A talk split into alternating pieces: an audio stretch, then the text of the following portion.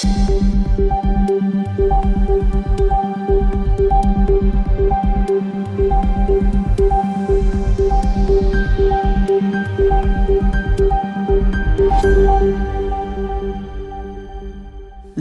tilbake til Krimnytt, en podkast for deg som ønsker å følge med på aktuelle true crime-saker.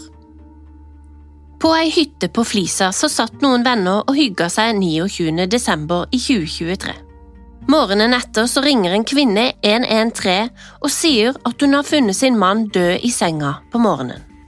Det er en mann i 70-åra som er funnet død uten noen tydelig dødsårsak, ifølge politiet.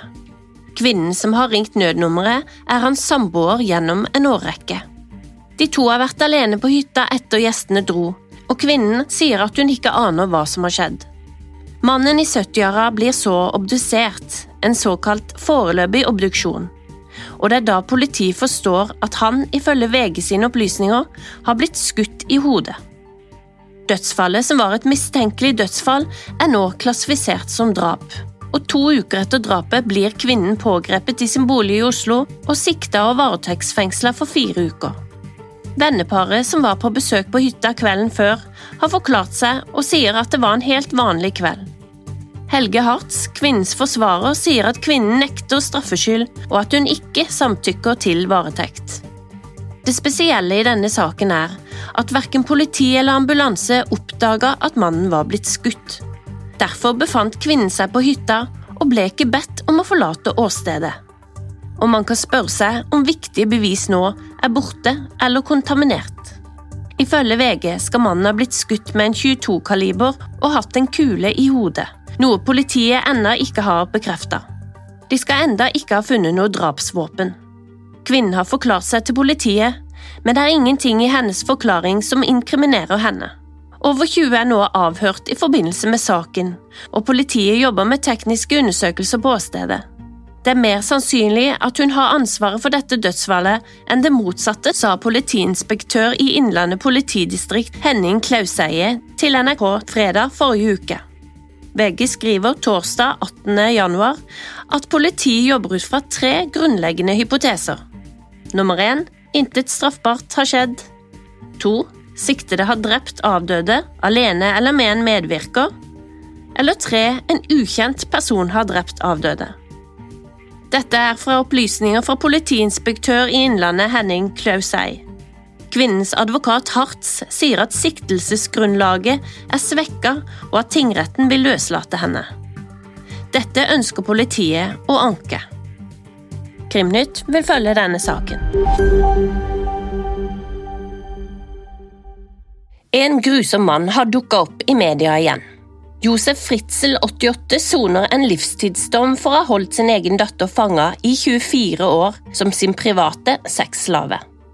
I 2009 ble han funnet skyldig i drap, incest og over 3000 voldtekter, slaveri og grov utpressing. En ny psykiatrisk rapport har sagt at Fritzel ikke lenger utgjør en fare for allmennheten, og retten kan nå avgjøre om han skal flyttes til et vanlig fengsel fra høysikkerhetsområdet der han for øyeblikket blir holdt. Avisen Østerreich rapporterer at Fritzel angivelig har delt med omgivelsene i fengselet om sine drømmer om et nytt liv utenfor murene. Han uttrykker et ønske om å vende tilbake til Amstetten, der han har planer om å bruke sine siste år på å bygge opp en liten butikk. Selv om en livstidsdom i Østerrike vanligvis betyr 15 års soning, ble søknaden om å bli løslatt avvist av domstolene da advokat Astrid Wagner forsøkte seg i fjor. Nå ser det ut til at hun er overbevist om at Fritzel vil lykkes med å få løslatt seg. Om du ikke husker saken, eller ikke har hørt om den, skal vi nå ta et lite tilbakeblikk. 19. april i 2008 så ble en ung, blek kvinne frakta til sykehus i den østerrike byen Amstatten. En eldre mann var den eneste som besøkte henne. Han påsto at datteren Elisabeth hadde dumpet sin datter hos han da hun selv ikke ville oppdra datteren. Elisabeth ble etterlyst, og neste dag så dukka hun opp på sykehuset. Det ingen visste da, var at Elisabeth ikke hadde forlatt datteren, men hadde selv blitt tatt til fange som 18-åring, og i 24 år hadde Josef Fritzel holdt datteren fanget i sin egen kjeller. Kjelleren besto av korridorer med åtte dører som ledet til en skjult inngang. Døren hadde en kodelås som bare Fritzel kjente til. Der hadde han planlagt å holde henne fanget. Og i fire år var Elisabeth alene i kjelleren, helt isolert fra omverdenen. Fritzel holdt datteren i skjul mens han voldtok henne når han følte for det. På det fjerde året i fangenskap ble Elisabeth gravid med Kirsten, og nede i kjelleren fødte hun seks barn til. Moren til Elisabeth bodde i andre etasje og skal ikke ha visst om mannens hemmelighet. Tre av barna til Elisabeth ble brakt opp og oppdratt av moren Rosemary og Fritzel selv. Han sa at Elisabeth hadde dumpet dem på trappa fordi hun selv ikke ville oppdra dem. Han fikk Elisabeth til å skrive et håndskrevet brev, og på den måten trodde folk at Elisabeth hadde stukket av for å leve med en religiøs sekt. Elisabeth fødte et tvillingpar, og den ene av dem døde.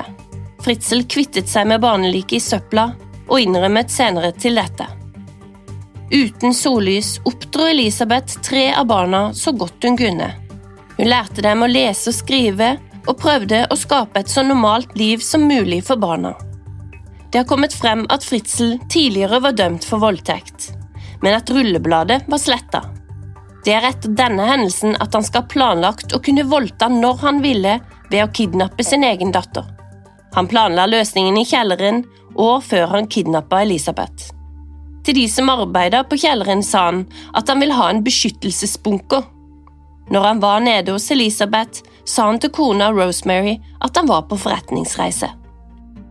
Utad så var han en vanlig, vel respektert ingeniør, og ingen ante at han tidligere var voldtektsdømt og hemmeligheten han bar på.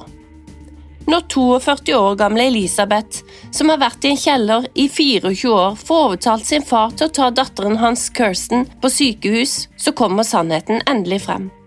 Han lar Elisabeth komme på sykehuset for å treffe Kirsten, og der betror Elisabeth seg til en politimann.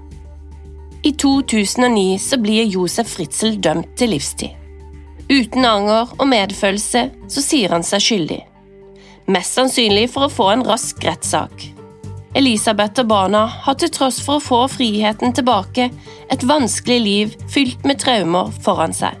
Så da er vi tilbake til hans advokat, som mener at han bør løslates fra fengsel til et sykehjem pga. sin forverrede helse og den nylige psykiatriske vurderingen som konkluderte med at han ikke lenger utgjør en fare for samfunnet. Jeg tviler på at han får slippe ut av fengselen, og ryktet har det at han ikke har mange venner. Han må skjermes for andre fanger, da han har meget lav status i fengselet.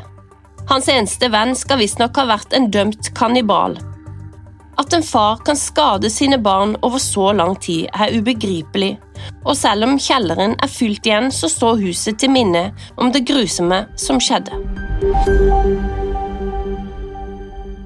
Nylig har det dukka opp forstyrrende opptak fra en sak i august i 2020. Avhørsopptak viser en mann fra Florida rolig tilstå og har mishandlet sin forlovede Vicky Edge 59 til døde med en baseballkølle fordi han ikke hadde råd til å betale for bryllupet deres. Jerry Ordum ga en 40 minutters tilståelse om hvordan han drepte forloveden Vicky Edge bare måneder før de skulle gifte seg. New York Post har nå publisert videoen der han sier at han ikke hadde penger til å betale for bryllupet, og videre så sier han at han ikke visste hvordan han skulle komme seg ut av det. She was getting ready to leave, and I told her I had another surprise for her. I had a baseball bat, and I hit her with it. Odin forklarte at han kjøpte baseballkølla nettopp for å drepe sin forlovede. Han slo henne flere ganger, og da hun begynte å skrike, så kvelte han henne til døde. Paret hadde møtt hverandre på en datingapp bare tre måneder tidligere, Odum hadde blitt så stressa over kjærestens iver til å ville kjøpe hus sammen og gifte seg, at han så ingen vei ut. Han forklarte i avhør at han gikk med på alt selv om han visste at han ikke hadde penger til verken hus eller fint bryllup. Så tydeligvis så tenkte han at det eneste utvei var å drepe sin forlovede, noe han innrømte i avhør. Da familiemedlemmer ikke hadde hørt fra Vicky på to døgn, gikk de for å lete etter henne. De visste ikke hvor Odum bodde, men fant en gammel adresse på nettet. Paret som bodde på denne adressen var hjemme da de banket på, og de fortalte dem at Odum hadde leid et hus i samme nabolag. Da de kjørte opp til huset, så så de Vikkis bil i oppkjørselen, men skiltene på bilen manglet. Det var da politiet ble ringt for en velferdssjekk. Flere timer senere kom politiet og klarte å få tilgang til huset. Der ble Vicky Edge funnet på stuegulvet, og forloveden ble arrestert dagen etter. Kusinen Sherry Wagner uttalte til People Magazine at Vicky hadde det største hjertet, og bemerka at Edge tilbrakte en stor del av fritiden sin som frivillig på et krisesenter for kvinner som var offer for vold i hjemmet. Hun planla også å donere en nyre til en venn. Broren til Vicky uttalte at datingsida var Vicky sin svakhet. Hun prøvde alltid å finne Mr. Right. Tydeligvis møtte hun den verste av de verste. En mann som tenkte at veien ut av en forlovelse var drap. Da er det slutt på denne ukas Krimnytt. Vi minner om at vi fremdeles har en serie om Torgåsen ute på Krimprat med Lise og Fiona. Den går mot slutten nå, så hvis ikke du har fått den med deg, så er det bare å hive seg på der. Følg gjerne Krimnytt på Instagram, og vi høres igjen neste tirsdag. Moderne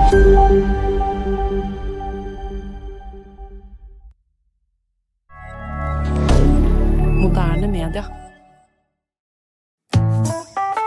Har du et enkeltpersonforetak eller en liten bedrift? Da er du sikkert lei av å høre meg snakke om hvor enkelt det er å sende faktura med fiken. Så vi gir oss her, fordi vi liker enkelt. Fiken superenkelt regnskap. Prøv gratis på fiken.no.